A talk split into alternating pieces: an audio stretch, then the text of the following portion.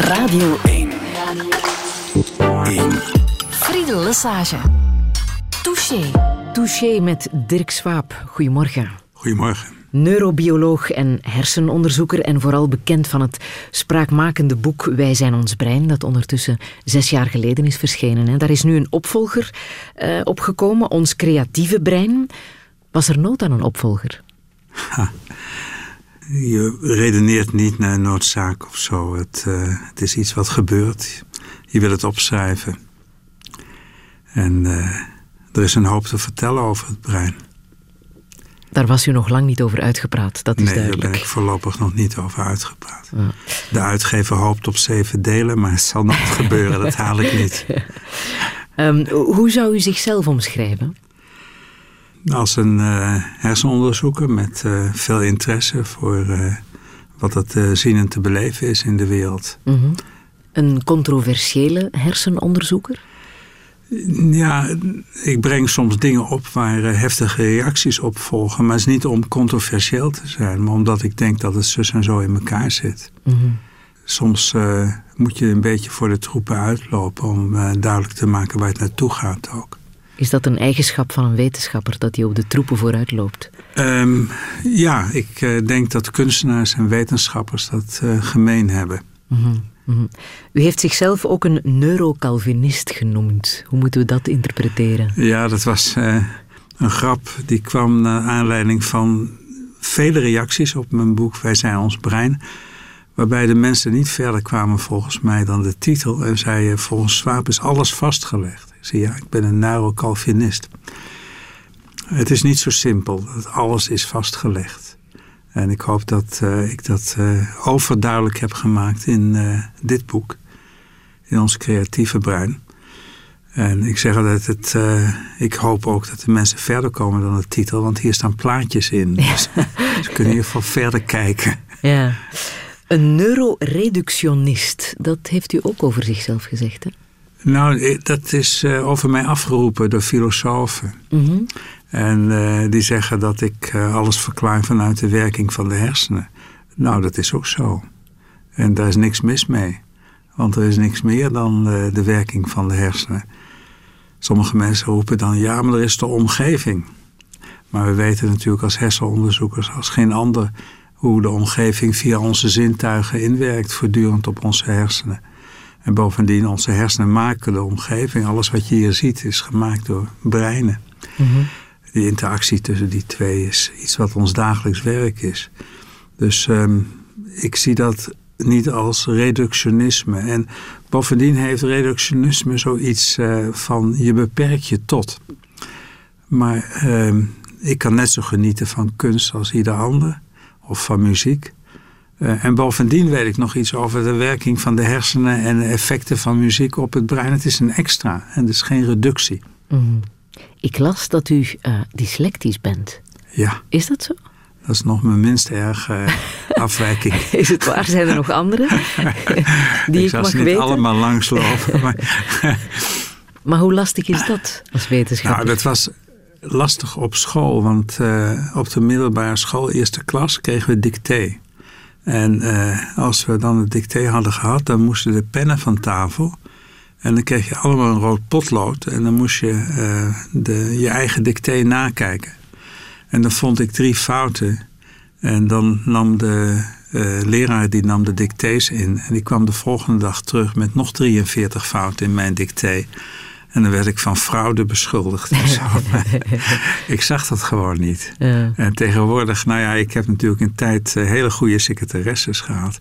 Dat is een oplossing, dat kan ik iedereen aanraden. Dat helpt. En er zijn nu ook correctieprogramma's in de computer. Dus uh, het leven wordt steeds makkelijker. Mm. Ik las dat u als kind ook radio's heeft gebouwd.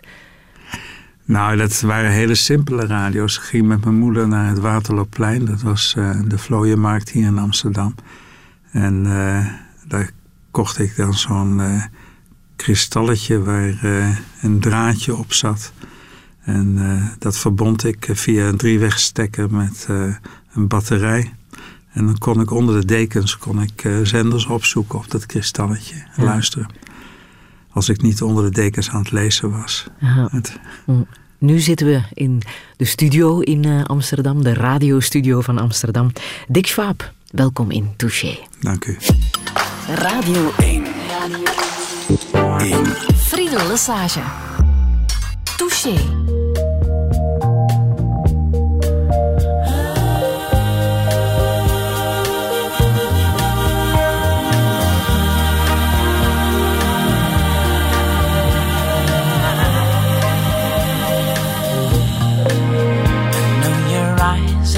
Morning sun. I feel you touch me in the pouring rain. And the moment that you wander far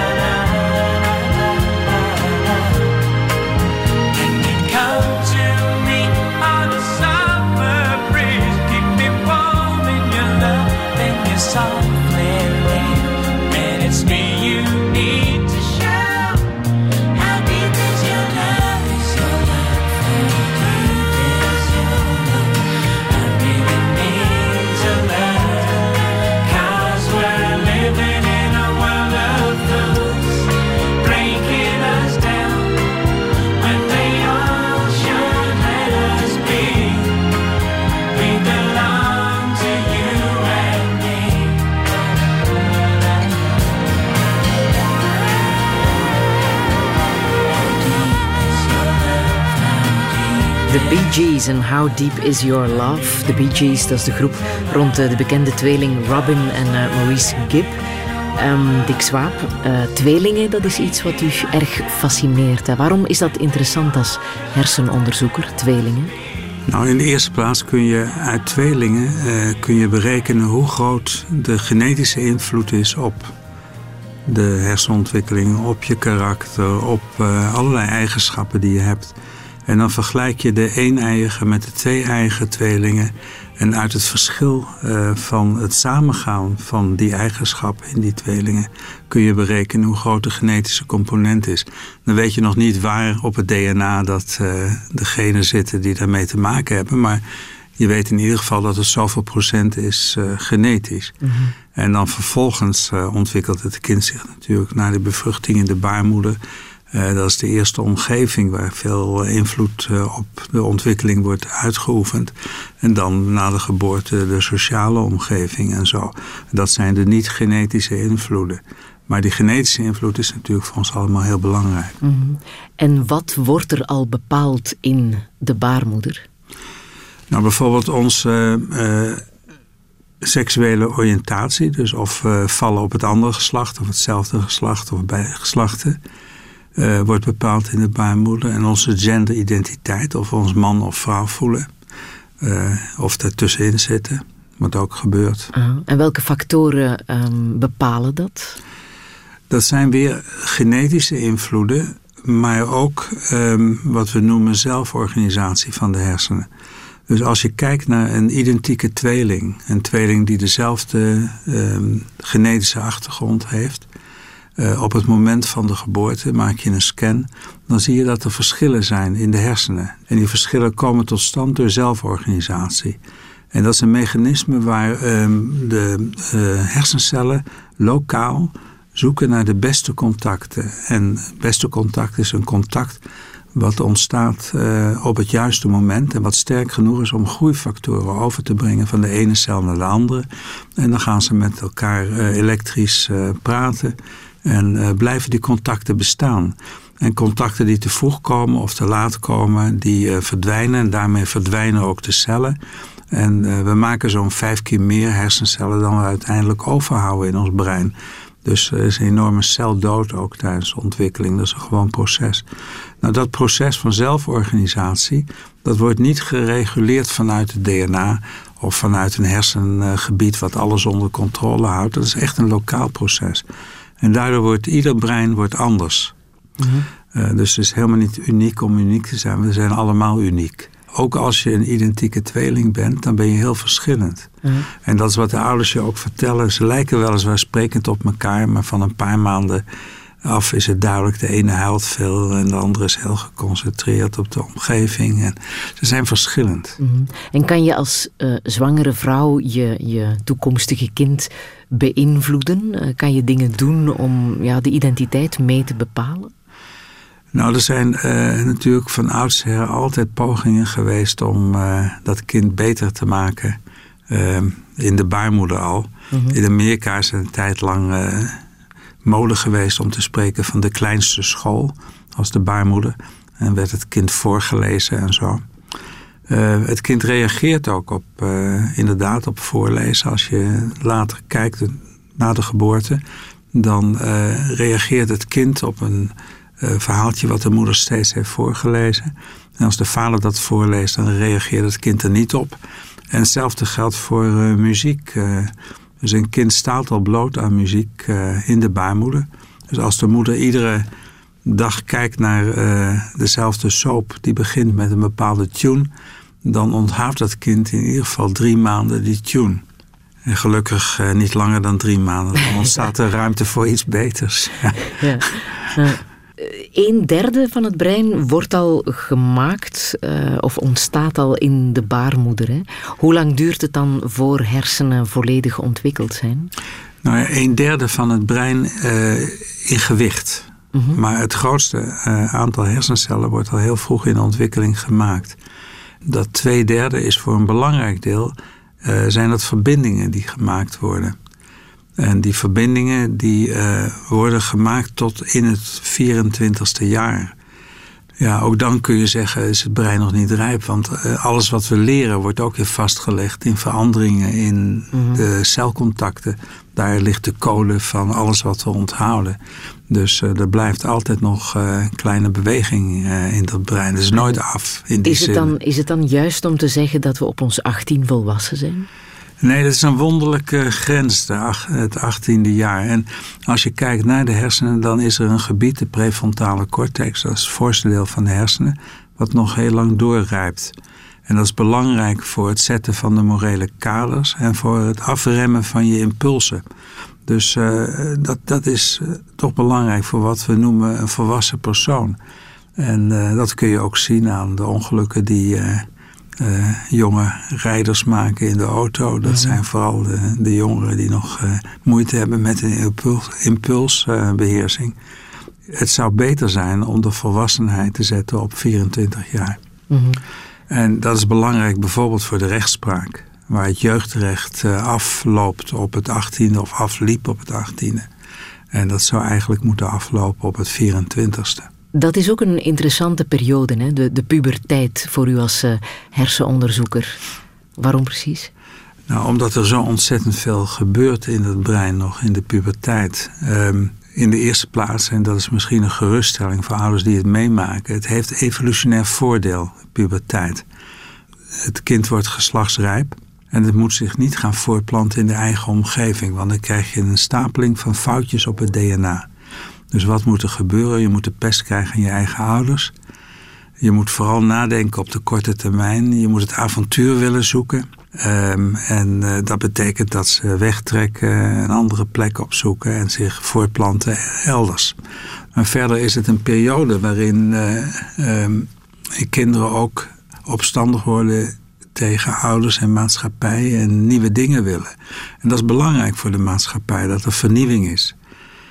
Met dat avontuur zoeken zie je ook natuurlijk dat er risico's zijn in het uitproberen van alles.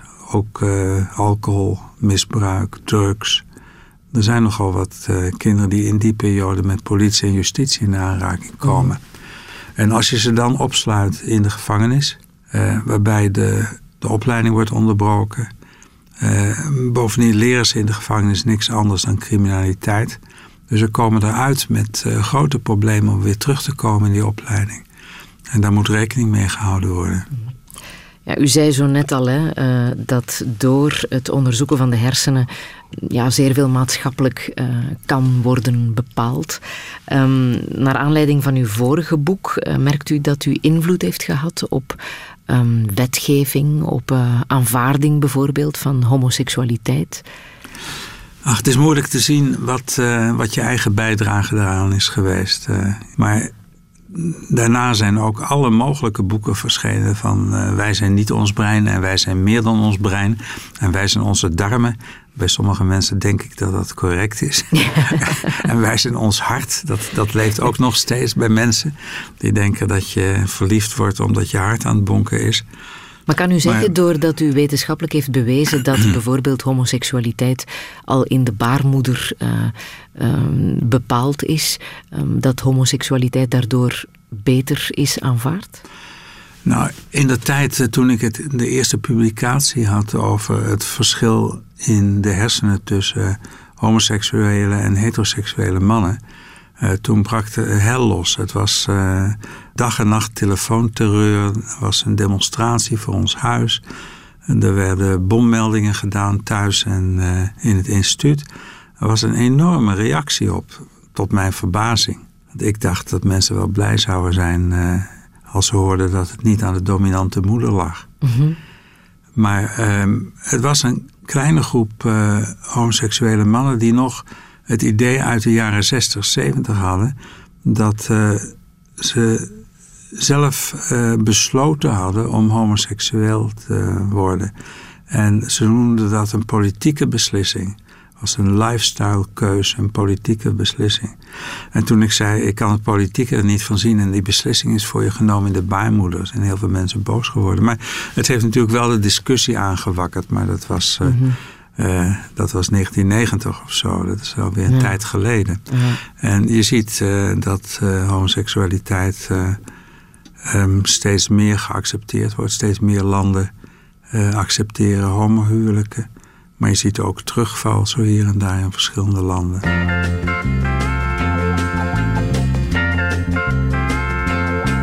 You and me and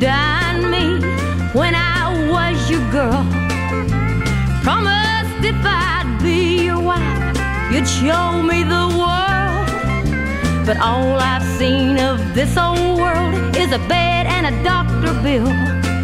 I'm tearing down your brooder house, cause now I've got the pill. All these years I've stayed at home while you had all your fun. And every year that's gone by, another come. There's gonna be some changes made right here on Nursery Hill. You set this chicken your last time, cause now I've got the pill. This old maternity dress I've got is going in the garbage. The clothes I'm wearing from now on won't take up so much yardage. mini skirts, hot pants, a few little fancy frills. Yeah, I'm making up for all those years since I've got the pill.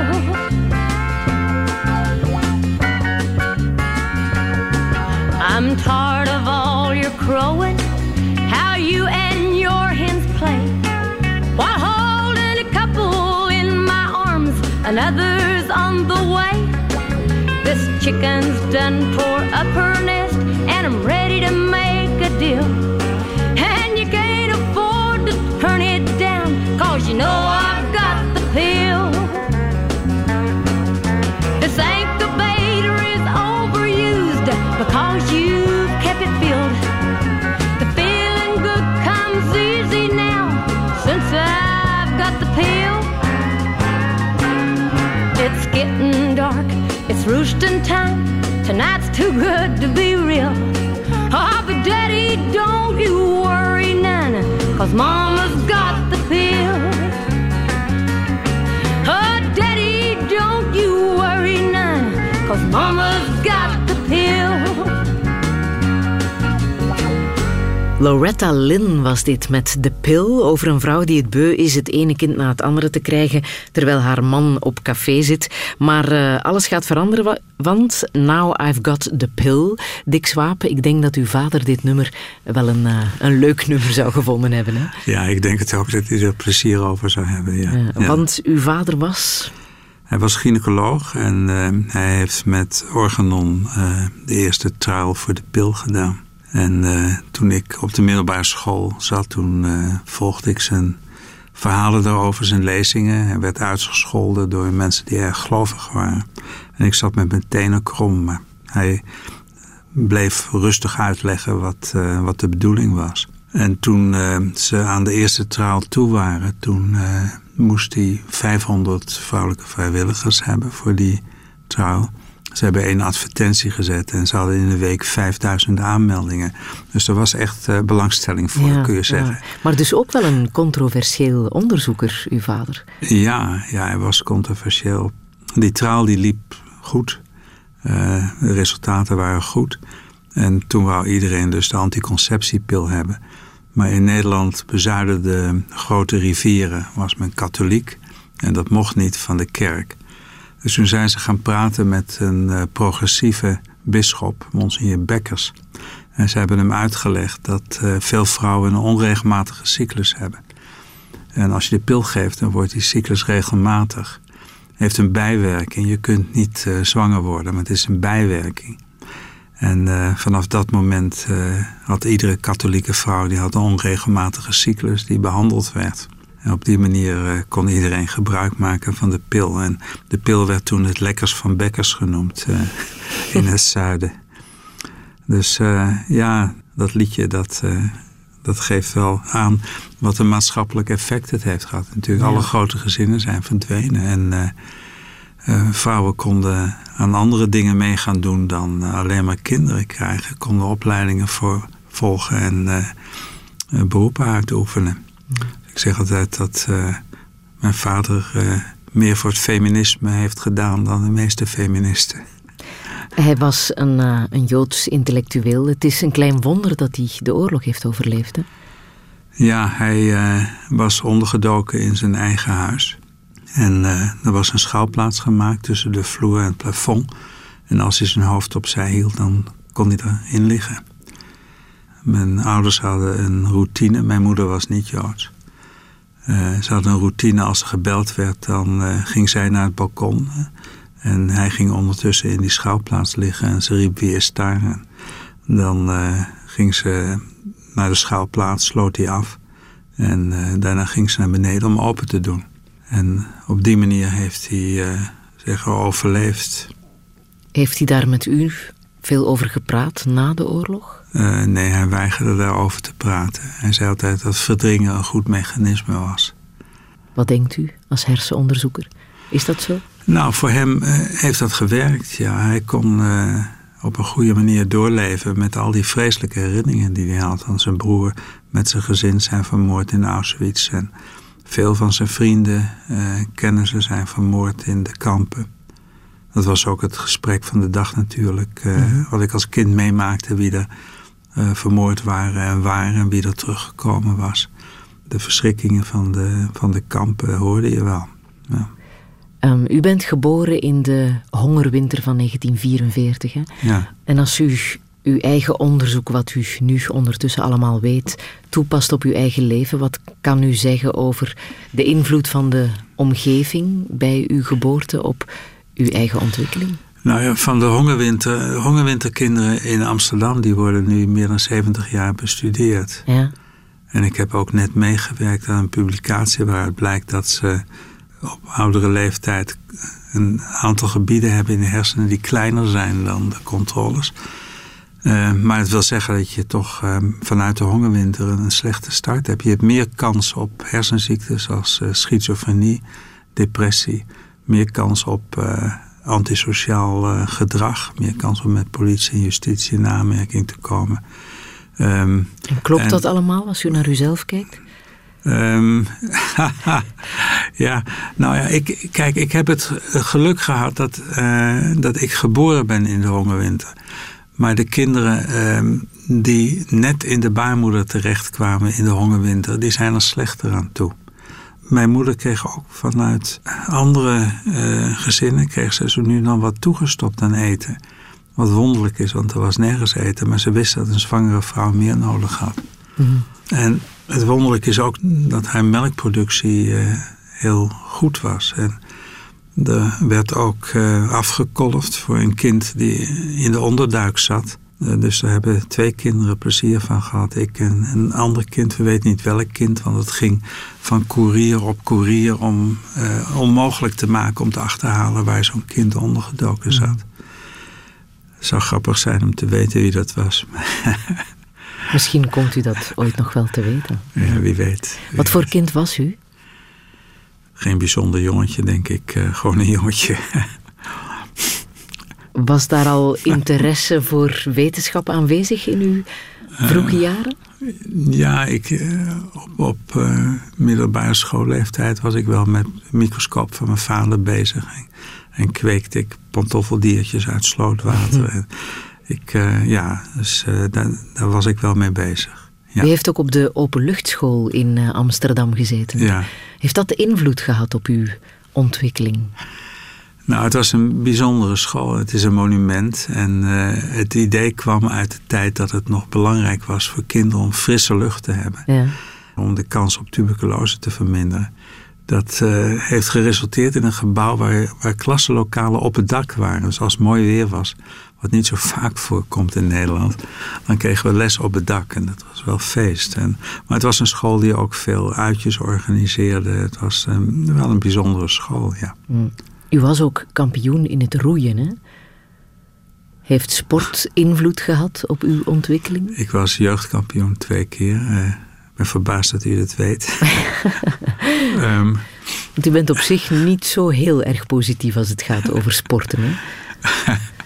Nee. Een van mijn uh, vroege promovendi is uh, professor Scherder. En uh, die maakt de hele wereld duidelijk dat er meer bewogen moet worden. En hij fietst naar zijn, naar zijn instituut en hij fietst weer terug. En achter zijn bureau fietst hij ook. Hij is voortdurend in beweging en wij doen een, een wedstrijd. Dus ik haal alleen maar adem.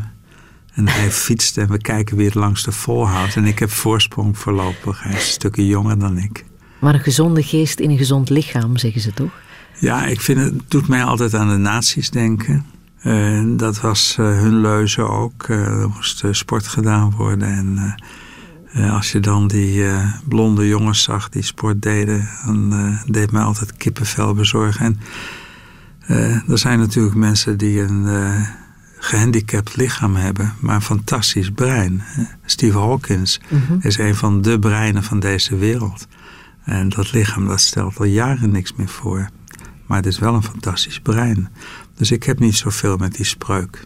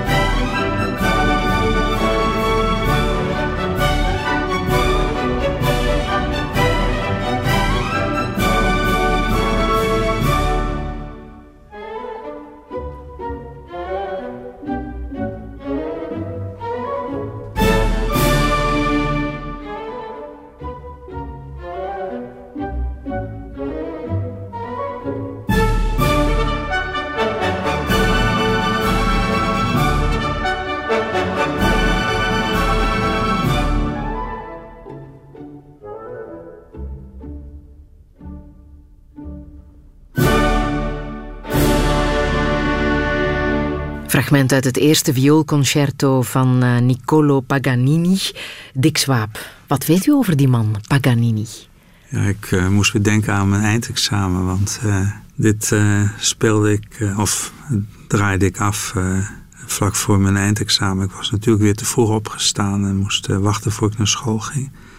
En met mijn moeder heb ik daarna geluisterd. Dat heeft me, ja, behoorlijk kalm gemaakt. Het eindexamen, dat, was, dat ging glad, dat was geen probleem. Maar je bent toch altijd vreselijk nerveus. En deze muziek hielp.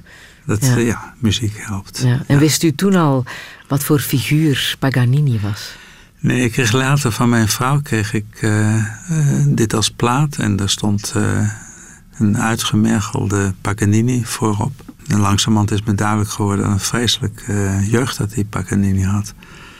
Toen zijn vader, eh, die was uh, gitarist, maar was ook alcoholist. En, en toen zijn vader ontdekte wat voor een talent dat deze jongen had, toen wilde hij daar gebruik van maken. En heeft hij hem geslagen als hij niet voldoende studeerde en zo. En op een gegeven moment is Paganini ook uit huis gevlucht en heeft gezworven heeft waarschijnlijk uh, nogal wat criminele activiteiten gehad. Heeft uh, plaats gehad waar gegokt werd.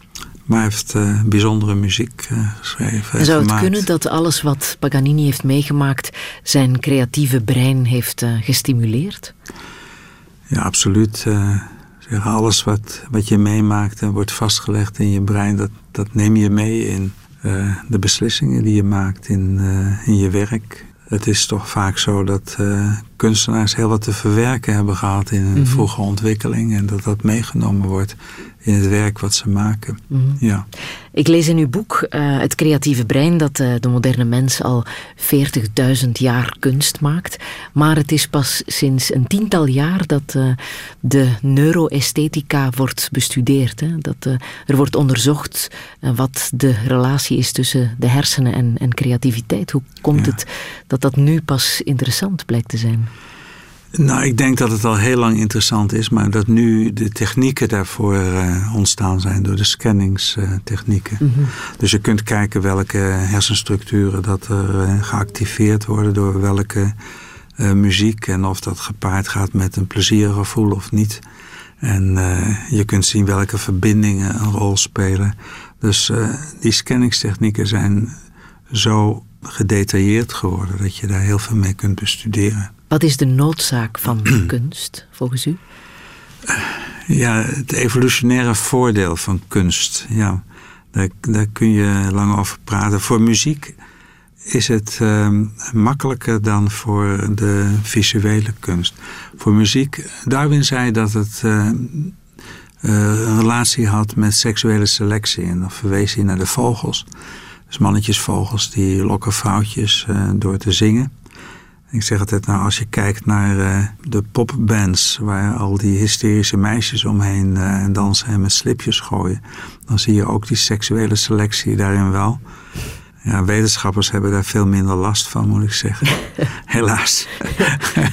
maar ik denk dat het belangrijke voor ons wat muziek betreft... is dat het uh, mensen bij elkaar brengt. En met elkaar kun je dingen doen die je makkelijker doet dan alleen... En zeggen, marsmuziek is natuurlijk van oudsher gebruikt om de ademhaling te stimuleren, om de hartslag op te jagen, uh, om de bloeddruk uh, op te jagen en om mensen klaar te maken voor de strijd. Maakt kunst gelukkig? Als je uh, iets ziet wat, uh, wat je werkelijk raakt, of iets hoort wat je werkelijk raakt, dan geeft dat een prettig gevoel. En dat komt omdat de dopamine wordt afgegeven in een hersengebied wat uh, de nucleus accumbens heeft. Dat is een belonend gebied. En de evolutie heeft uh, um, de dingen die belangrijk zijn voor het overleven van het individu en de soort gekoppeld aan beloning. Dus we vinden eten vinden we prettig en lekker en leuk. En dat is gekoppeld aan dopamineafgifte. En hetzelfde geldt voor seks, voor de voortplanting. En dat is een groot succes geweest in de evolutie. Want nu zijn er 12 miljard mensen, geloof ik. Of, die zijn allemaal dik. Dus uh, dat heeft goed gewerkt. Maar uh, dezelfde mechanismen treden op als je iets mooi, leuk of lekker vindt uh, wat kunst betreft. Mm -hmm. Maar het gebeurt ook Dat je begint te huilen van iets heel erg moois. En je kunt ook walgen van dingen. Dan kan het ook nog kunst genoemd worden. Ah. Je kunt iets vreselijk vinden, maar het kan je hart raken. U zegt dat uh, dat onderzoek naar het creatieve brein vooral door de, het bestaan van de scans uh, nu in opmars is. Maar u verzamelt al langer uh, hersenen hè, in de hersenbank in Nederland sinds 1985. welke hersenen waren voor u interessant toen u directeur was van de hersenbank? Nou, we zijn begonnen als een Alzheimer hersenbank omdat uh, we aanzagen komen in die tijd dat dat een groot probleem zou worden. Bovendien, als je um, hersenen wil bestuderen van Alzheimer-patiënten, dan moet je ieder stukje hersenweefsel kunnen vergelijken met een controle. En dat is iemand die geen hersenziekte heeft, van dezelfde leeftijd, hetzelfde geslacht, hetzelfde uur van de dag overleden, hetzelfde seizoen overleden. Um, zelfde tijd na het overlijden verkregen. Ook van die factoren die daarin meespelen. Dat wil zeggen dat je een hele complexe organisatie moet opzetten waar je kort na het overlijden het materiaal verkrijgt. Zowel van Alzheimer-patiënten als van controllers. En dat is langzamerhand uitgebreid naar alle mogelijke hersenziektes en psychiatrische ziektebeelden. En nu is het focus op uh, meer psychiatrische ziektebeelden. Hoe denken mensen over het afstaan van hun hersenen voor onderzoek? Um, dat is heel wisselend. Um, de patholoog waarmee ik uh, begonnen ben, we deden om de beurt obducties in dat tijd, uh, s'nachts. Um, dan, uh, die, die wilde zijn hersenen niet ter beschikking stellen, omdat hij niet wilde dat ik zag hoe klein zijn brein was en hoe groot zijn ventrikels. en ik zeg altijd: het geeft niet wat voor domme dingen dat ik nu doe. Later wordt mijn brein goed gebruikt. En dat zijn dan de twee uitersten wat betreft de professionele opvattingen erover. Maar eh, zeg, het, doneren van je brein eh, voor hersenonderzoek is natuurlijk een, is een donatie van, van hoop. Je hoopt dat de volgende generaties, je, je kinderen, je kleinkinderen, uh, minder te maken zullen hebben met die vreselijke hersenziektes. Enig idee of Bart Huges zijn hersenen heeft afgestaan voor onderzoek? Bij mijn weten heeft hij dat niet gedaan, nee. nee. Bart nee. Huges is die medicijnstudent die in 1965 een uh, gaatje boorde in zijn uh, eigen voorhoofd, de zogenaamde trepanatie. Uh, daar heeft hij ook over gesproken. ik wil hem even laten horen. Het boeren ging zo. Het is een boor met een flexibele as die dus zo kunt vasthouden. Ja, het boor ging met het boordje hierin, zo in het gat. Waarbij ik voornamelijk in deze spieren het gevoel had van waar ik nou zat. Ik moet zeggen, ik ben weer 5 mm opgehouden, omdat ik toen een halve liter bloed verloren had. En dat had ik als, uh, als grens genomen. Om niet de kans te lopen dat ik me uh, wat verzwakt zou voelen. Touché de student Bart Huges in 1965. Hij wou onderzoeken of hij met dat gaatje uh, blijvend high kon uh, worden. Hè? Ja, dat uh, de jaren 60, 70, waar ja. high zijn heel belangrijk was. Hij had het idee dat kinderen altijd high waren, omdat de naden van de schedel nog niet gesloten waren en de hersenen op die manier de ruimte hadden om al het bloed te ontvangen wat ze nodig hadden. Maar, dacht hij, als ze eenmaal gesloten zijn, die hersennaden, dan eh, krijgen de hersenen niet voldoende bloed. En je moet dus een gaatje maken om die hersenen wat meer ruimte te geven. Dat gaatje wat hij had gemaakt was een heel klein gaatje. Ik begrijp niet hoe hij dacht dat uh, dat ruimte zou geven voor meer bloed. Maar het interessante is ook dat uh, toen er een foto werd gemaakt, een, uh, röntgenfoto van het gaatje wat hij had gemaakt met die tandartsboor dat dat maar halverwege was gekomen. Want uh, de schedel heeft twee bladen waar tussenin een, een laag zit van wat we noemen trabekels, wat los mazig botweefsel. En hij dacht dat hij door die schedel heen was, maar hij was dus halverwege gekomen. Maar sindsdien was hij high en dat laat zien hoe belangrijk een placebo-effect is. dat, als je denkt dat iets werkt, dan werkt het ook.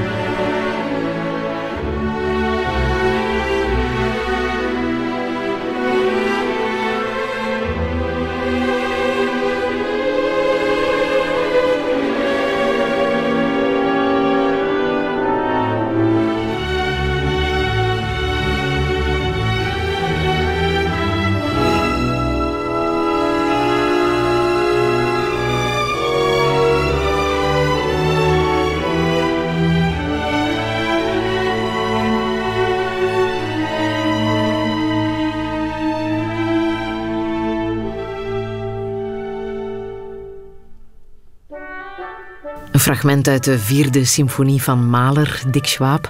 Waarom wou u dit laten horen? Het was het eerste concert wat ik als kind hoorde.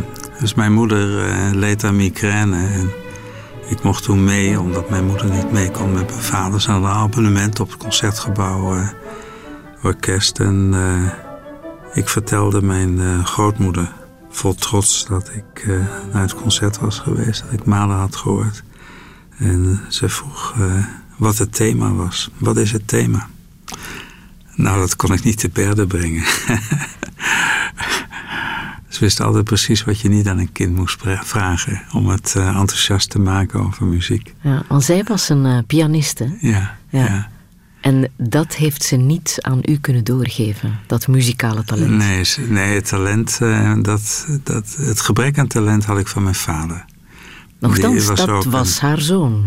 Ja, maar ehm, ze had één zoon, Juda, die um, buitengewoon talentvol was, cello speelde. Mm Maar mijn vader was het zwarte schaap van de familie. Die had uh, weinig muzikaal talent. En hoe kwam dat dan? Nou, ik heb het gehad over die zelforganisatie die ja. het brein anders maakt. Ook ja. als je genetische achtergrond hetzelfde is. Zelfs als u uit een muzikale familie komt, kan het zijn dat u niets met muziek heeft. Ja. Ja en uh, je kunt ook uit een niet-muzikale niet familie komen en helemaal gek van muziek worden. Ja. Dat, uh, dus die variatie is heel belangrijk om je dat te realiseren. Ja. Mijn grootmoeder die gaf mij les. Dus ik moest toen ik uh, leerde lopen ook leren piano spelen. En ik was de enige niet-professionele leerling. Ze was nooit tevreden. Ze was nooit tevreden. Ze was een humorloze grootmoeder die nooit tevreden was. En dus waarom ik, was ze zo streng? Ik kan me nog de opluchting herinneren dat toen ze opgenomen werd in het ziekenhuis. En uh, vanaf dat moment heb ik nooit meer een piano aangeraakt. Nooit meer. Mm. Ja, later begrijp je waarom ze zo humorloos en streng was. Want ze had het, uh, Juda als een zoon met zoveel talent. En uh, die is dus in, in Auschwitz vermoord. En, en dan zeg het verlies van, van een kind en zijn familie is natuurlijk iets wat je, waar je nooit overheen komt. Mm -hmm. Uh, en als je dan geconfronteerd wordt met een kleinzoon die uh, er niet veel van bakt, dan uh, is het extra erg, denk ik. Ja.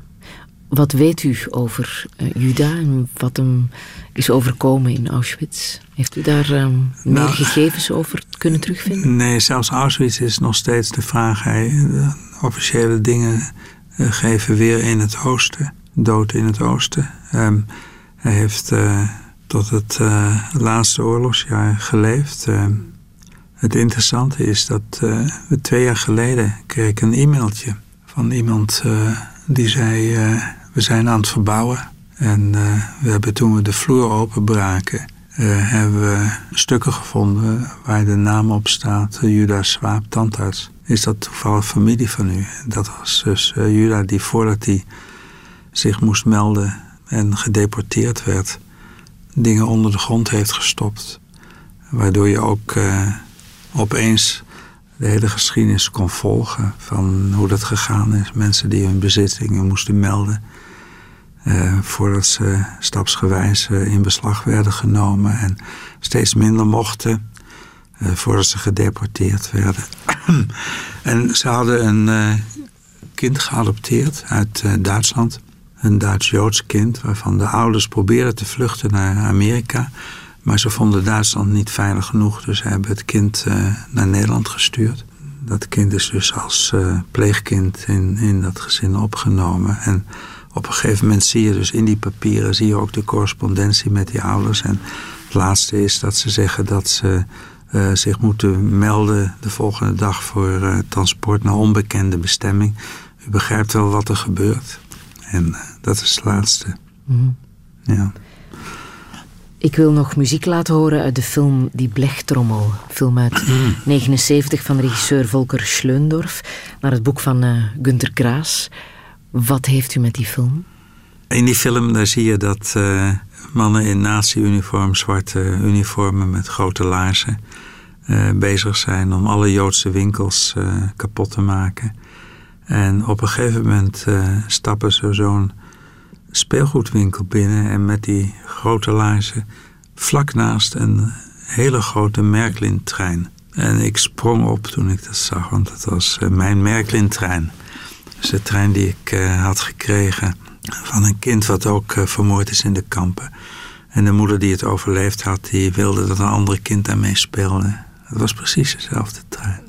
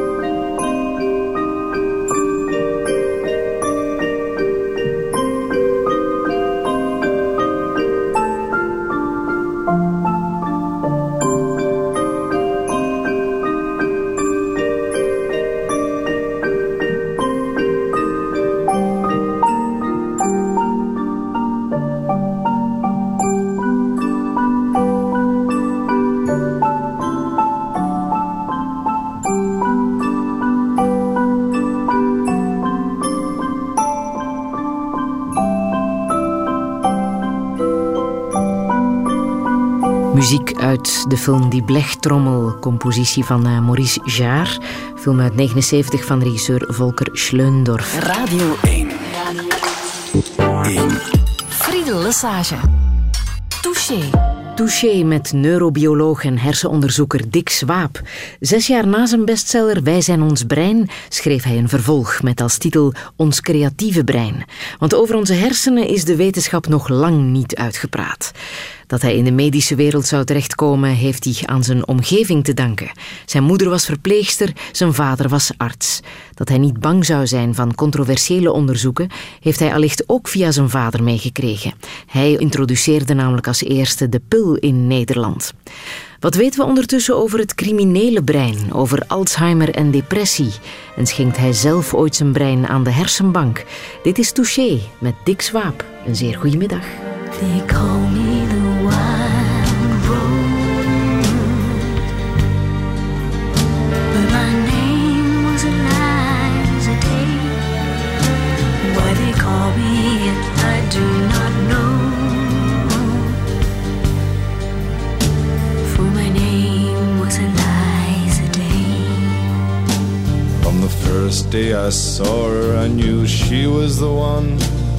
She stared in my eyes and smiled. For her lips were the color of the roses that grew down the river, all bloody and wild. When he knocked on my door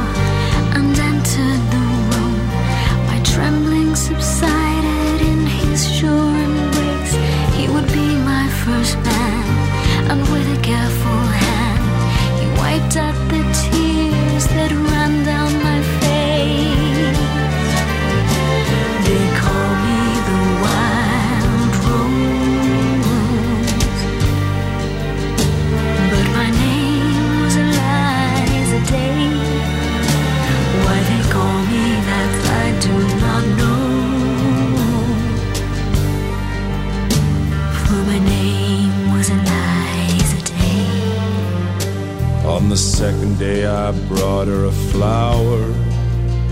She's more beautiful than any woman I've seen. I said, Do you know where the wild roses grow? So sweet and scarlet and free.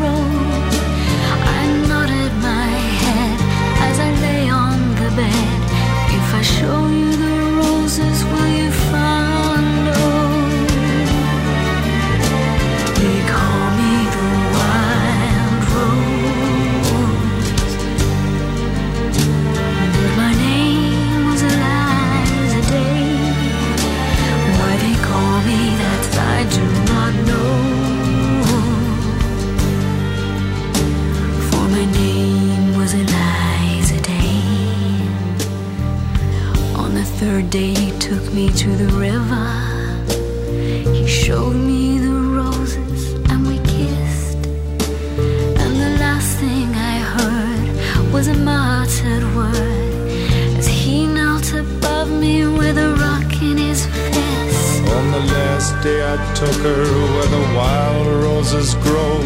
She lay on the bank, the wind lied as a thief, and I kissed her goodbye. Said all beauty must die. And I leant down and planted a rose between her teeth.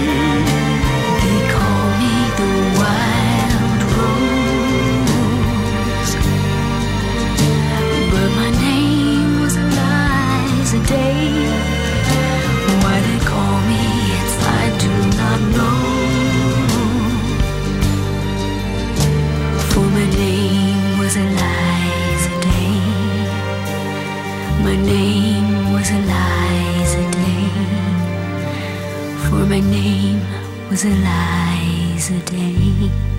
Where the Wild Roses Grow uit de CD Murder Ballads van Nick Cave. Nick Cave heeft een eh, obsessie voor Criminal Minds. Dit was eh, het bekendste nummer uit die CD, duet met Kylie Minogue. Klinkt lieflijk, maar het gaat over een man die zijn date vermoordt. Dick Swaap. Ik laat het horen omdat u ook gefascineerd bent door criminele geesten. hè. Het criminele brein is een van de vele hoofdstukken in uw nieuwste boek. Vanwaar die fascinatie voor het criminele brein? Nou, het heeft natuurlijk een enorme impact op eh, onze maatschappij. Misschien dat hersenonderzoek ook eh, iets kan leren over de manier waarop je ermee om moet gaan. Maar je hebt vele soorten van mensen die met politie en justitie in aanraking komen. En om even van die moorden af te gaan, een heel belangrijke groep eh, zijn de, is de groep met eh, geestelijke achterstand. Dus toen ik werd opgeleid als arts in het academisch ziekenhuis, toen liepen daar mannen rond in korte witte jasjes. En die brachten patiënten naar een plaats en die brachten de monsters naar het lab. Die brachten de post rond en die zetten koffie en die hadden plezier en die maakten praatjes hier en daar. Die waren prima geïntegreerd in die universitaire wereld en die hadden een IQ van tussen de 50 en 70. Op een gegeven moment, ehm, en dat zag je niet alleen in de universiteit, maar dat zag je ook in de, in, in de industrie, moest iedereen eh, jong en dynamisch zijn. En werden die mensen op straat gezet. Werden vervangen door eh, apparaten. En op straat hebben zich ook uitstekend aangepast en volledig geïntegreerd, maar dan in het eh, criminele circuit. En als je nu kijkt bij de rechter, ehm, bij de veroordelingen, ehm, die groep van eh, mensen met een geestelijke achterstand in de hele populatie is zo'n 16 procent. Maar bij de veroordeling is het 50 procent. Dus de helft van de veroordeelden heeft een lage IQ. En dat wil zeggen dat men dacht dat eh, door die goedkope baantjes te schrappen, dat men goedkoper uit zou zijn. Maar de gevangenis kost een hoop meer. Ja. En de schade die daartoe gebracht wordt, eh, nog meer. In hoeverre kan u op basis van scans die u maakt bij uw hersenonderzoek zeggen dat iemand een eh, psychische afwijking heeft? Nou, de psychiatrische afwijkingen ehm, zijn niet makkelijk door scans te zien. Maar er is een studie in Duitsland gedaan bij criminelen die in de gevangenis zitten. En die voor uh, agressieve delicten veroordeeld zijn. En die gaven in een hoog percentage structurele veranderingen in de hersenen te zien. Dus er zijn dingen um, verkeerd gegaan in de hersenontwikkeling. En verder is het zo dat als je in de gevangenis rondloopt, dat het uh, grootste deel van de mensen toch psychische problemen heeft, psychiatrische problemen. Ze worden wel gestraft, maar niet uh, behandeld. Mm. Zouden hersenscans, want dat is een beetje de vraag op dit moment, kunnen helpen bij de beoordeling van criminelen in, in de rechtszaal? Uh, soms wel, soms niet. Uh, je moet het van diverse technieken hebben. Genetische informatie kan belangrijk zijn. psychiatrisch onderzoek, scans. Ehm, het, het, hangt eraf wat, wat er mis is. Mhm. Er zijn vele technieken die een bijdrage kunnen leveren. En dat is dan uh, wat de neurolaw wordt genoemd in de Verenigde Staten. Dat is iets wat komend is. Um, dus er zijn scans besproken in de, in de rechtszaal. Ook mhm. in Nederland. En dat zal alleen maar toenemen.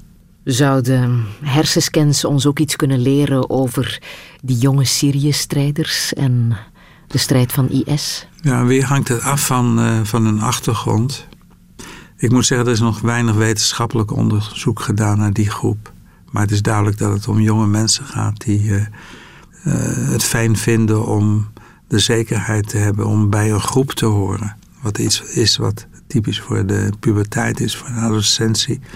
Je bent nog niks en je, bent, je wordt sterker als je in een groep staat. Um, dat speelt mee. Wat we weten over zelfmoordenaars uh, die onderzocht zijn.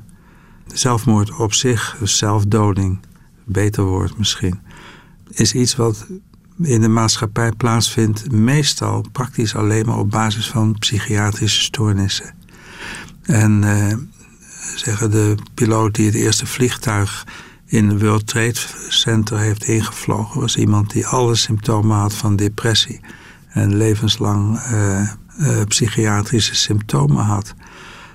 Daar geldt ook dat uh, die zelfmoord bovenop die psychiatrische stoornissen kwam. En de eerste Palestijnse vrouw die een vliegtuig opblies, was een vrouw die een abortus had gehad en die niet zwanger meer kon worden, die verstoten werd door echtgenoot en familie. en geen andere mogelijkheid zag dan zelfdoding. En dat heeft ze dan gedaan met anderen. En hetzelfde geldt voor die shootings in de Verenigde Staten. Dat zijn kinderen vaak die uh, schizofrenie hebben of een andere psychiatrische stoornis. Die vaak gepest worden en uiteindelijk wraak nemen. Maar dat zijn dingen die op basis van psychische problemen gebeuren. En ik ben benieuwd naar het onderzoek wat er gaat gebeuren naar die IS-strijders. Uh, ik ken er geen data van, maar daar moeten dezelfde mechanismen een rol spelen. Dit nieuws van uh, een tiental dagen geleden is u ook niet ontgaan. Het uh, bericht dat het konvooi hulpgoederen werd gebombardeerd in het uh, noorden van Syrië. Een medewerker van de Syrische Rode Halve Maan loopt door brandende wrakstukken. Dit was een magazijn vol met hulpgoederen van de Verenigde Naties, zegt hij. As you see, as you see, this is the warehouse of the Syrian Christians. 18 van de 31 trucks vol met hulpgoederen die klaar stonden om te vertrekken zijn geraakt. Full of food. Full of food and the flour and medicine and and blanket. Twaalf mensen, allemaal vrijwilligers van de Syrische Rode Halve Maan, zijn omgekomen. Wie er precies achter de aanval zit is nog niet duidelijk. Maar deze hulpverlener koestert geen twijfels. Syrië en Rusland. Touché.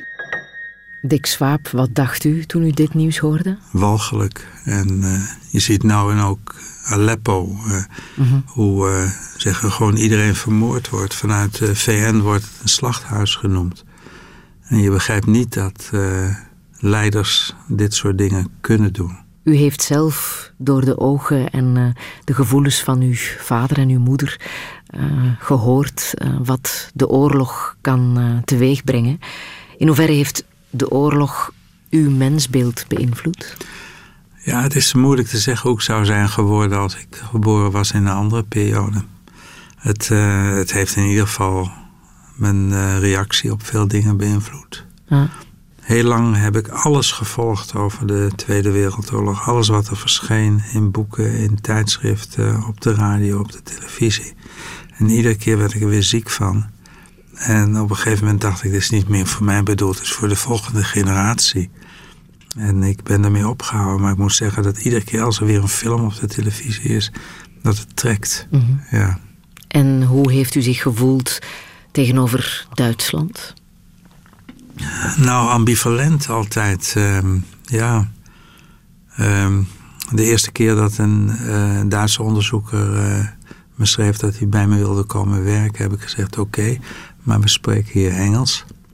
En toen ik eh, gevraagd werd om gasthoogleraar te worden in het Max Planck Instituut in München, had ik daar echt moeite mee. Want Max Planck Instituut is een fantastisch instituut. Eh, het was een hele bijzondere uitnodiging. Maar het was Duitsland en het was de plaats waarvan de, de euthanasie van mentaal geretardeerde en psychiatrische patiënten begonnen is. Dus ik ben naar mijn vader gegaan en ik heb gezegd: Ik heb een probleem. En hij dacht een paar seconden na en zegt: Je moet gaan en vertellen dat we er nog zijn. Dus dat heb ik gedaan. Ja.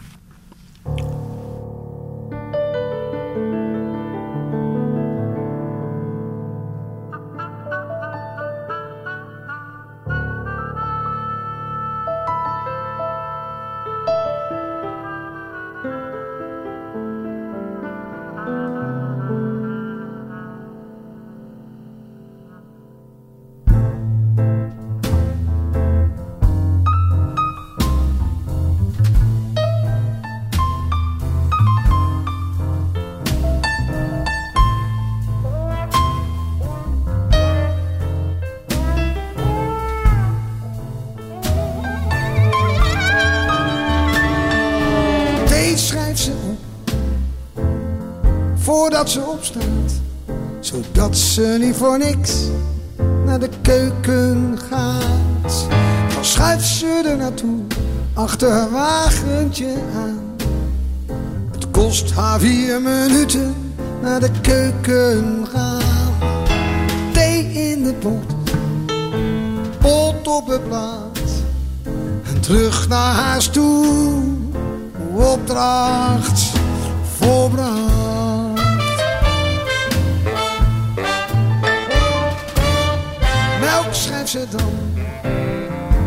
voordat ze opstaat, zodat ze niet voor niks naar de keuken gaat. Dan schuift ze er naartoe, achter haar wagentje aan. Het kost haar vijf minuten naar de keuken gaan. En eenmaal aangekomen, pakt ze de melk uit de kast. Maar nu weet ze niet meer waar dat voor nodig.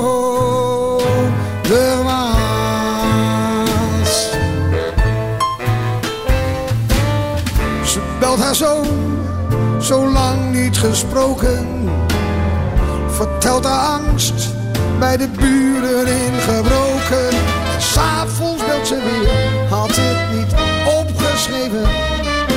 Ik kijk uit het raam, waar is mijn moeder gebleven?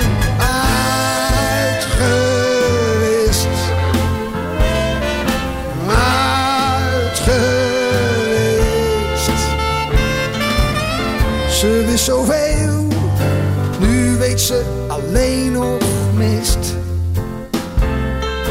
Nu is er alleen nog mist.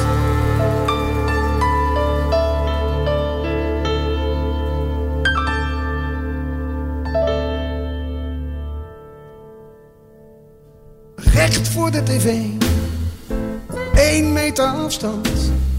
Bewegende beelden voor haar, maar zonder verband. Ze weet niet wie met wie is, en ze kan het niet meer verstaan. De vorige keer vergeten is er niets meer aan. Maar ze weet precies alle namen van de kinderen. Hoe ze toen zaten in de klas. De huizen langs de spoorbaan. Het doorstikpaadje in het gras. Van alle straten weet ze nog de naam, dat weet ze allemaal precies. Maar wat heeft ze eraan?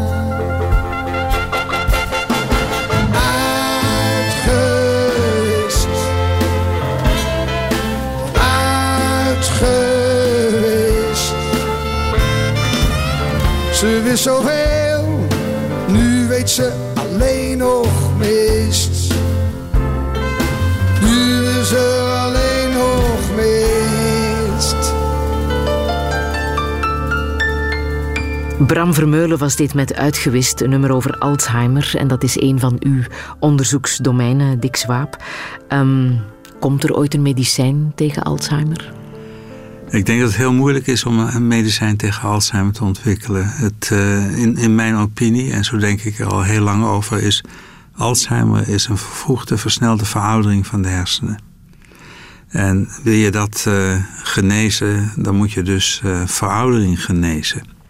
En dat zal niet meevallen. Wat Of je wel tegengaan. kan proberen, Ja. is om die ziekte van Alzheimer wat voor je uit te schuiven. Ehm, en op die manier met een helder brein aan iets anders dood te gaan. Mhm. En dat is natuurlijk een goed eh, streven, want dan kun je je eigen beslissingen tot het laatste moment nemen. Wat zijn de mogelijke oorzaken van die vervroegde veroudering? Eh, De basis is dat als je je hersencellen gebruikt, dat je ze ook beschadigt. Net zoals een auto die je gebruikt, de motor wordt ook beschadigd. Maar er zijn, in een cel zijn er ook mechanismen om die te repareren. Eh, er zijn mensen die eh, een foutje hebben in een van die enzymen die met reparatie te maken heeft.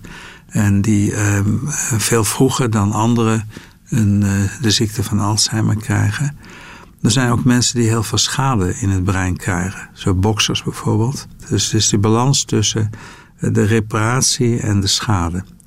En verder is het afhankelijk van een aantal dingen die je samen kan vatten onder reserve.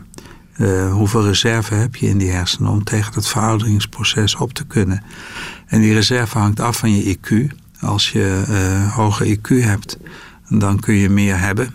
Maar hoe komt het dat je met een hoger IQ minder eh, kans maakt om Alzheimer te Nou, de IQ krijgen? is een maat voor het functioneren van het brein. En als je een hoger IQ hebt, dan, dan werkt dat beter en efficiënter. En heb je blijkbaar een betere machine. Je kunt ook proberen om meer reserve te krijgen. Bijvoorbeeld taalontwikkeling is heel belangrijk voor de hersenontwikkeling. Niet alleen voor die typische taalgebieden als eh Wernicke en Broca, maar voor het hele brein. En kinderen die tweetalig worden opgevoed vanaf de geboorte, eh, die krijgen extra reserve.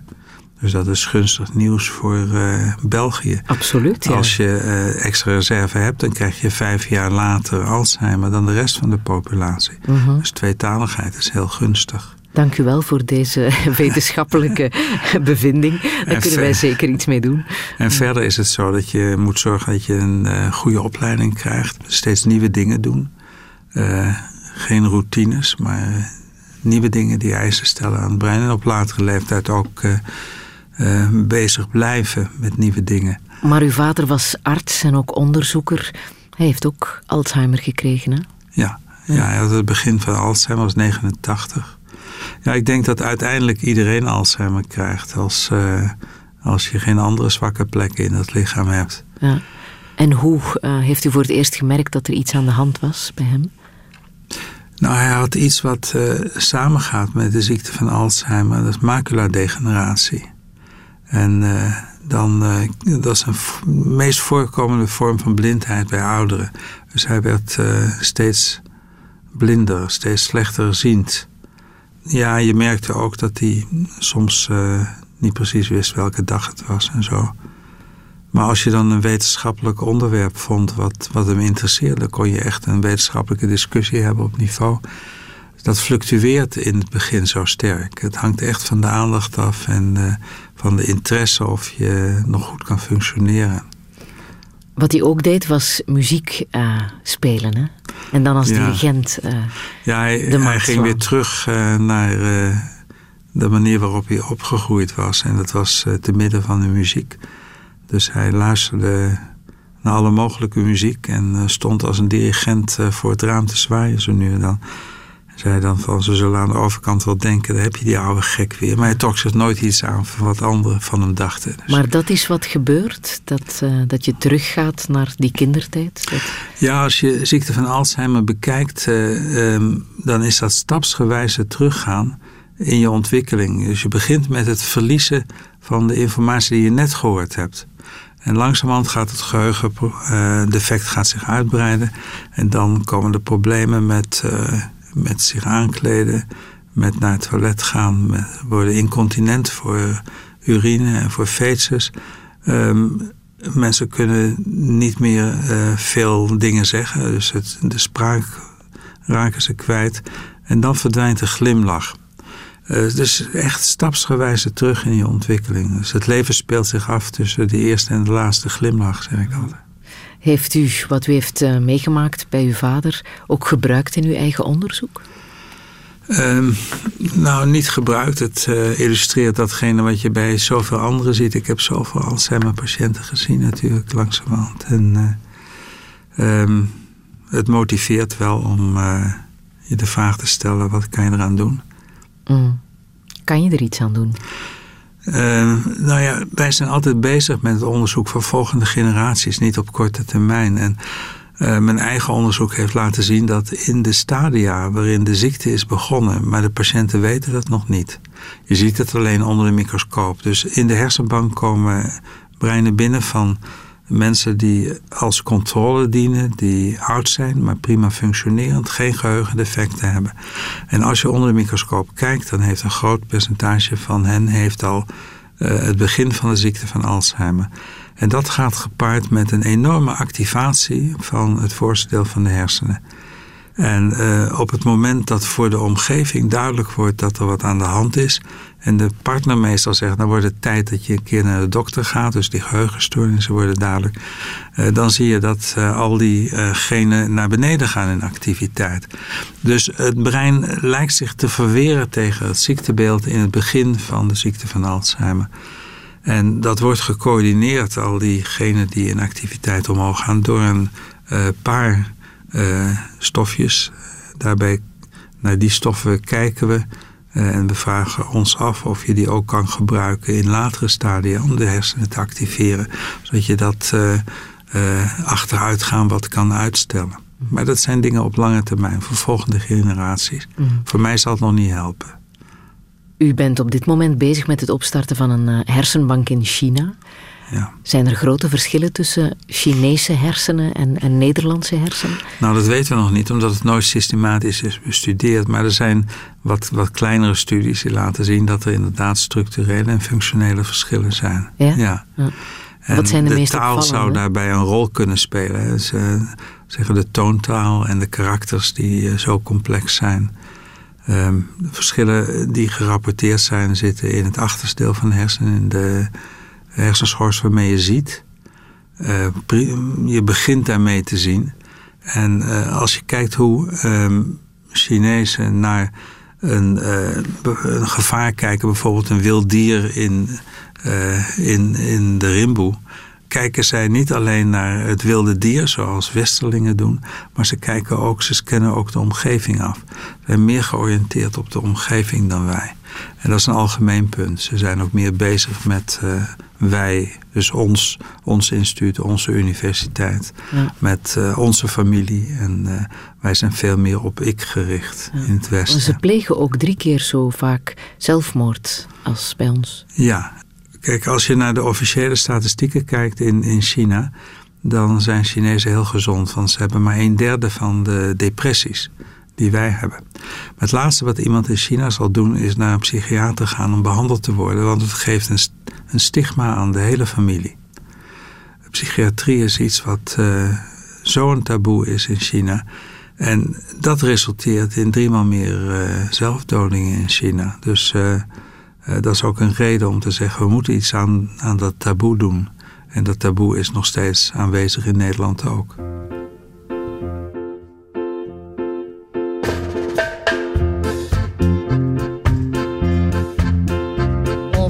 Christens en boeddhist bent, islamiet of jood. Er is leven, er is leven na de dood. Rijd dus rustig door oranje en geef extra gas bij rood. Er is leven, er is leven na de dood. Na de dood, na de dood. Er is leven, er is leven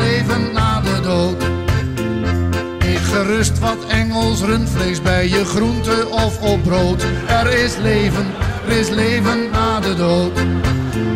Als je weg wilt uit Tirana, pak eens voor de gein de boot. Er is leven, er is leven na de dood. Na de dood,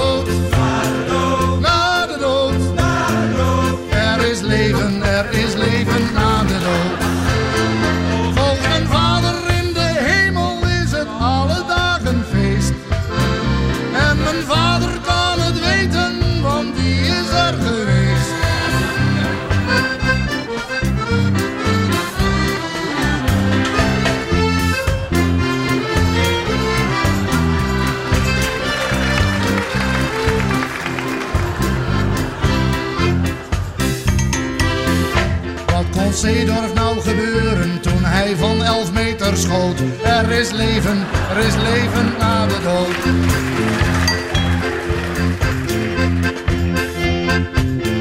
Steek je snikkel zonder rubber in een hetero of een poot. Er is leven, er is leven na de dood.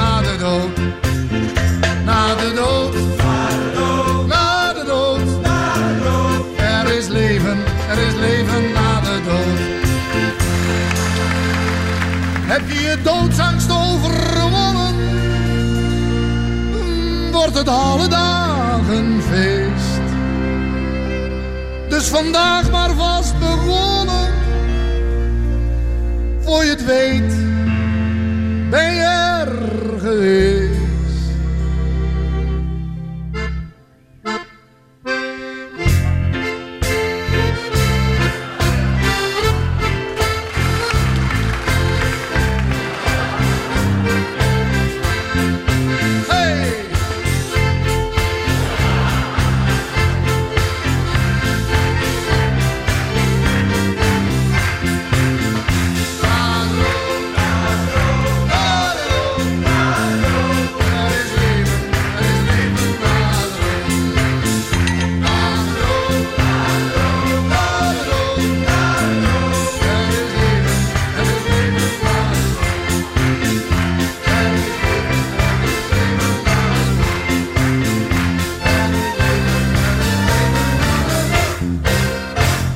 Freek de Jonge, er is leven na de dood. Dick Swaap, ik moet het aan u vragen. Hè? Is er leven na de dood? Ja, als je het van Freek eh, moet geloven, moet het heel vrolijk worden na de dood. Ik kreeg eh, een paar dagen geleden kreeg, een eh, mailtje van een vriend van me. Die vertelde dat iemand vertelde dat ik in de hel terecht zou komen na mijn overlijden. Ik zei tegen hem, nou dat is goed, dan zien we elkaar weer. Dat, is er leven na de dood? Ik, ik heb geen, geen enkele indicatie dat eh, iemand zo belangrijk is op deze wereld. Dat, hij- dat er iets van hem over zou moeten blijven na het overlijden. Maar het idee is ons ingegeven door eh, geloof, denk ik, hè? door religie. Ja, ik weet niet of het daarmee begonnen is, misschien al voor de religies. De- het is natuurlijk heel wonderlijk dat je, je komt en je verdwijnt. En men is bang voor dat eh, verdwijnen. Het idee van eh, leven na de dood is natuurlijk wel geëxploiteerd door de kerken die eh, eh, hebben gezegd hoe boord je het hier hebt, dat geeft niet. Je moet je aan de regels houden die de kerk stelt. En als je aan die regels houdt en goed geld geeft, dan kom je in de hemel terecht. Zo niet, dan kun je zien wat er gebeurt aan het werk van Jeroen Bos en anderen. Dat zijn vreselijke martelingen die je voor de rest van de tijd ondergaat. Ja, je ziet over de hele wereld heen natuurlijk allerlei varianten daarop. Eh, angst voor de dood eh, met een verhaaltje wat eh, het alternatief zou zijn. En is dat volgens u de reden waarom zoveel mensen het geloof aanhangen, zo belangrijk vinden? Nou, het is een van de redenen. Het geloof brengt je in een groep terecht. Een groep geeft meer zekerheid. Het, het geeft ook ehm, troost. Als ik een probleem heb, moet ik het zelf oplossen. Maar er zijn mensen die eh, hulp hebben door te bidden. En Hoe gelovig bent u zelf nog? ik ben absoluut niet gelovig en nooit gelovig geweest. Nee? Nou, ik heb als kind heb ik twee weken geloofd. Twee weken? Ja, ik was een jaar of acht geloof ik. En ik zag dat in de straat, er waren twee katholieke families. En die hadden acht en negen kinderen. En de rest van de straat was niet katholiek. En die hadden één of twee kinderen. En voor mij was dat een godsbewijs tot mijn vader uitlegde wat anticonceptie was. Maar uw vader uh, is wel Joods opgevoed, dacht ik, hè? Nee, hij is uh, van Joodse afkomst, maar niet gelovig opgevoed. Mm -hmm. En mijn moeder is van protestantse afkomst, maar niet uh, gelovig opgevoed. Maar ze hadden wel beide interesse in de, de culturele as aspecten die uit geloof zijn voortgekomen. Wat is voor u als atheïst de zin van het leven? Nou, er is volgens mij geen hogere zin aan het leven. Uh, dat de, het leven is tot stand gekomen door een competitie tussen moleculen. De rest is evolutie. En het heeft geen hogere zin, maar je kunt het zin geven. En mensen die een depressie hebben, die kunnen dat niet. Die kunnen hun leven geen zin meer geven. Dat zijn in feite, maar dat is dan een cynische kijk op de zaak, dat zijn de mensen die de waarheid zien. Het leven heeft geen zin, maar ze kunnen het ook geen zin geven voor zichzelf. U bent uh, medestichter van het burgerinitiatief Voltooid Leven. Hè? Dat is een uh, initiatief voor mensen die uit het leven willen stappen, omdat ze het leven als uh, voltooid beschouwen, zonder dat er sprake is van ondraaglijk lijden. Is daar dan nood aan? Nou, niet zonder dat er sprake is van ondraaglijk lijden, maar zonder dat er sprake is van een ernstige ziekte. Ja. Want uh, we hebben de euthanasiewet in Nederland, jullie ook in België. Mm -hmm. En uh, het is geaccepteerd dat, uh, dat je die kunt gebruiken als je kanker hebt. Of een andere ernstige ziekte. Het wordt steeds meer geaccepteerd dat je in een vroeg stadium van de ziekte van Alzheimer of een andere vorm van dementie uit kan stappen. Als je nog bevestigt dat je lijdt onder het feit dat je je verstand verliest. Het wordt ook toenemende mate toegepast uh, bij ernstige psychiatrische ziekten waar mensen geen uitweg meer in zien. Ernstige depressies, levenslang uh, periodes daarvan, schizofrenie. Um, en uh, de groep waar het niet voor geldt, waar die wet niet voor bedoeld is, zijn de mensen die geen ernstige ziekte hebben. Mm -hmm. daar is die wet niet op geschreven. Maar er zijn mensen die zo oud geworden zijn dat ze alle mogelijke kleine problemen krijgen. Ze hebben hun partner verloren, ze hebben hun vrienden verloren vanwege de leeftijd. Ze zijn overgebleven. Ze hebben een fijn leven gehad, maar ze vinden het genoeg. En uh, daar geldt de euthanasiewet niet voor. En moet die eigenlijk aangepast worden. En dat is uh, het initiatief wat we hebben genomen, wat uit vrije wil heet. Hoewel ik uh, denk dat de vrije wil niet bestaat. Maar is hier vraag naar? Is hier er is een enorme aan? vraag naar. Ja? Ja? als je kijkt naar het toenemen van zelfdodingen, dan is in de groep ouderen is de meeste toename. En dat zijn mensen die uh, ja, toch beter op een uh, goede manier geholpen kunnen worden met de familieleden daaromheen. En niet op een afschuwelijke manier een eind aan hun eigen leven maken. Op de website zie ik dat er meer dan 116.000 aanhangers zijn die dit een uh, goed idee vinden. Ja, maar dat, uh, ik denk dat er veel meer zijn. Het gros van de Nederlanders staat erachter. Um, maar die 116.000 komt van uh, het aantal wat we nodig hadden om het ter sprake te brengen in het parlement. En dat was in, ik geloof, twee weken hadden we dat aantal. En mm -hmm. toen is ook richting parlement gegaan. Maar ja, als Kamerlid voor uh, D66, Pia Dijkstra, die uh, werkt inderdaad aan een uh, wetsvoorstel voor, voor Nederland. Ik wil dit jaar met een wetsvoorstel komen waarin we voltooid leven uh, wel mogelijk maken en waar we dat zoveel mogelijk autonomie ook aan mensen geven. Dus waar niet getoetst wordt op of je wel ondraaglijk uh, lijdt en of je nog behandeld kunt worden. Want daar is helemaal geen sprake van, er is geen medische aanleiding. Maar het gaat erom dat, je, dat mensen dan kunnen laten zien dat ze het vrijwillig, dat ze uh, al langer daarmee bezig zijn, dat ze niet onder druk gezet worden en dat dat getoetst kan -hmm. worden. En daar moeten mensen ja, zelfs autonomie en zelfbeschikking, daar heb je soms andere mensen nog bij nodig. Ja. En dat moeten we heel goed regelen. Touché. Maar hoe ethisch verantwoord is dit idee? Nou, ik vind uh, dat uh, je dat allemaal voor jezelf uit moet maken. En wat dat betreft heb ik bezwaar tegen de kleine christelijke partijen die ehm, eh, zelfdoding proberen tegen te gaan. Ik vind het prima dat je geloof hebt. Uh, maar gelovige mensen moeten niet beslissen hoe ik leef en hoe ik doodga. Dat moet je allemaal voor jezelf uitmaken.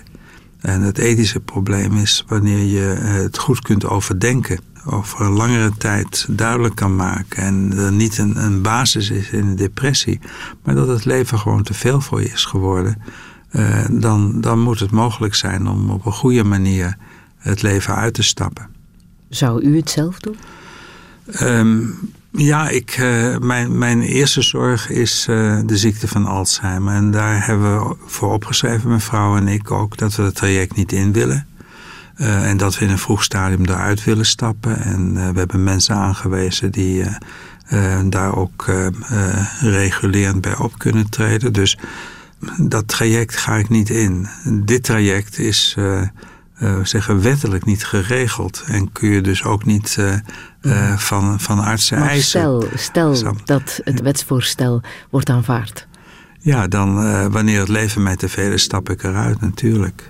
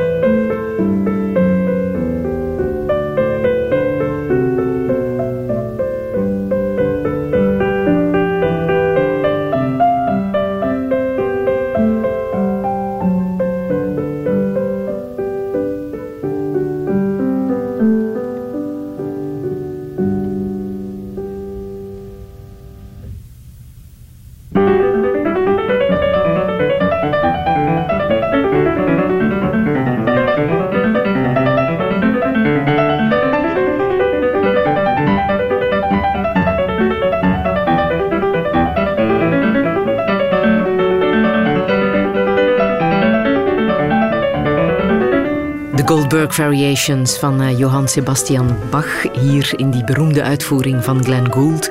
Die zelf ook een beetje zit uh, mee te neurien en mee te zingen. Uh, Dick Swaap, waarom wou u dit laten horen? Nou, dit is lievelingsmuziek van mijn vrouw. Ja. En, ik vind het zelf ook heerlijk om naar te luisteren. Mm -hmm. Wiens hersenen zou u graag nog eens willen onderzoeken? ja, iemand als Einsteins brein maar dat is uh, niet goed voor onderzoek ter beschikking gekomen. Het is, uh, vanaf het allereerste begin is dat... Uh, dat is een beetje fout gelopen. Ja, ja fout gelopen en dat zal niet lukken. Dat van Donald Trump, kan ik u dat aanbieden? Zou u dat niet eens willen onderzoeken? Een klein breintje. ja, denkt u? Nee, ik, ik zou geen interesse in deze man hebben, nee. Nu, in Amerika woedt er naar het schijnt een strijd om het brein van uh, de kiezer. De presidentskandidaten doen een beroep op uh, psychologen en hersenwetenschappers. Ze gaan na welke beelden, uitspraken en bewegingen het maximale effect scoren bij potentiële kiezers. Die worden dan uitgebuit in de campagne. Verandering in hartslag, huidtemperatuur, oogbewegingen worden bij proefpersonen geregistreerd. Heeft zo'n onderzoek zin? Kan dat iets opleveren? Ja, wat tot nu toe gebeurde natuurlijk was uh, het invullen van enquêtes en daaruit de conclusie trekken of iets aanslaat of niet. Um, het andere uiterste gebeurt uh, steeds meer in Nederland. Dat is, je kunt uh, advertenties voorleggen aan mensen in een scan. En kijken waar het beloningssysteem van de hersenen het best op reageert. En uh, dat werkt veel beter dan enquêtes. Want in enquêtes heb je het probleem dat mensen graag invullen wat ze denken dat de onderzoeker graag hoort. Dus dat lichamelijk onderzoek heeft zin. Ik weet niet, ik, ik ken de details hiervan niet, dus ik weet niet hoe goed het is, dat onderzoek. Maar in scans, van scans wordt steeds meer gebruik gemaakt om te kijken hoe mensen reageren op van alles. Mm -hmm. Heeft het zin om jaarlijks een hersenscan te laten doen? Als een Absoluut soort... niet, nee. nee. Mm. Het heeft alleen maar zin als je symptomen hebt die wijzen op een afwijking. U wordt er eind dit jaar 72. Hè? Wat zou u nog willen in het leven? Och, uh, te veel, denk ik. Uh, ja? ja? Ik ben met mijn onderzoek uh, druk bezig met dingen die mij erg interesseren. Dus de veranderingen, moleculaire veranderingen in depressie. En moleculaire veranderingen bij zelfdoding. Inderdaad, zoals u zei, in China ben ik bezig met het opzetten van een netwerk van hersenbanken. Ik hoop dat dat tot een goed einde te brengen is in, uh, in mijn levensperiode. Uh, er is zoveel onderzoek waar ik verder nog bij betrokken ben, wat me interesseert. En uh, ik zie graag hoe mijn kinderen verder zich ontwikkelen en het ene kleinkind wat ik heb. Dus er is een hoop nog te beleven, maar ik weet ook wel dat het opeens afgelopen kan zijn. En gaat u uw eigen hersenen doneren voor onderzoek? Ja, ik was de eerste donor van de Nederlandse Hersenbank. Uh, en uh, er zijn mij veel voor gegaan ondertussen. Maar uiteindelijk kom ik daar terecht. Ja. Mm -hmm, mm. Kan er veel geanalyseerd worden uit dode hersenen? Ja, je kunt uh, heel veel leren van dode hersenen als je die snel na het overlijden verkrijgt. Want dan is de moleculaire samenstelling nog zo als die was in het leven. En dan kun je afleiden welke gebieden dat er hard functioneerde of minder hard functioneerde, welke gebieden er problemen geven. En dat kun je doen voor, wat ik zei, controles, maar ook voor allerlei ziektebeelden. En er zijn uh, veel technieken mogelijk op uh, dood hersenweefsel die, een, die informatie geven over de situatie tijdens het leven. En dat maakt het interessant. Hmm. En zal de mens blijven evolueren? Um, nou, ik, ik, denk dat de evolutie van de mens gestopt is. Want voor evolutie heb je een aantal dingen nodig. Um, je hebt variatie nodig. Nou, de variatie tussen mensen is niet groot meer sinds alles mengt. En uh, je hebt een isolatie nodig. Mensen moeten leven tussen bergkammen of zo in een heel geïsoleerd gebied. En dan heb je een ramp nodig waar een paar mensen in de voortplantingsleeftijd uh, over, overleven. En door hun bijzondere eigenschappen zich aan kunnen passen aan de nieuwe omstandigheden. En dan moeten ze kinderen maken en diegenen die moeten zich uiteindelijk over de aardbol verspreiden. Zo is evolutie gegaan steeds. Maar er is geen isolatie meer en er zijn niet meer van dit soort rampen. Uh, ik, ik, zie niet in dat uh, dat mechanisme nog enig effect kan hebben. Maar we hebben het ook niet nodig, want we hebben de mogelijkheid om uh, precies te noteren hoe ver wij gekomen zijn. En de volgende generatie kan vanaf daar beginnen. Dus uh, we kunnen vooruitgang blijven boeken, ook zonder evolutie van het brein. Welke boodschap zou u hier nog willen meegeven? Dat uh, uh, de variatie die bestaat tussen mensen belangrijk is voor hun leven, voor de manier waarop ze hun leven inrichten, voor datgene wat ze fijn vinden. Um, en ik vind dat iedereen moet kunnen leven zoals uh, zijn brein zich prettig voelt. Of je nou heteroseksueel of homoseksueel of transseksueel bent. Of je nou uh, het ene beroep uh, prefereert. Of je zorgende beroepen wil uitoefenen. Of dat je leiding wil geven aan een groot bedrijf of noem maar op. Het, uh, het is iets wat telkens neerkomt op het aanpassen aan de manier waarop je hersenen uh, tot ontwikkeling zijn gekomen. En dat moet mogelijk zijn zolang je niet al te veel schade toebrengt aan anderen. En de staat moet uh, garanderen dat je die vrijheid hebt om te leven zoals je wil leven. Te meer omdat er geen, geen keuze is. Je kunt niet kiezen voor het brein waarmee je opgescheept bent. En er is geen vrije wil. En juist omdat er geen vrije wil is, moet je in vrijheid kunnen leven. En uh, dat is niet nieuw, dat idee. Spinoza, als je hier in Amsterdam kijkt, heeft een standbeeld en daarop staat. Uh, de, doel, het doel van de staat is vrijheid. Wat hij heeft gezegd is net iets anders. De taak van de staat is het garanderen van de vrijheid. En dat uh, lukt soms in Amsterdam. Dick Swaap, u wilt nog heel graag uh, Lacrimosa uit Requiem van Mozart laten horen. Hè? Waarom precies? Nou, als ik uh, in de problemen zit, en dat gebeurt ook wel eens, dan, uh, dan is juist het Requiem van Mozart iets wat me goed doet. En dat is weer heel individueel, want toen mijn vader aan dementeren ging en ik hem het Requiem van Mozart gaf, toen dan riep hij de volgende dag: Neem het mee. Ik wil het nooit meer horen. Ik word er zo ellendig van. Terwijl het mij enorme troost gaf.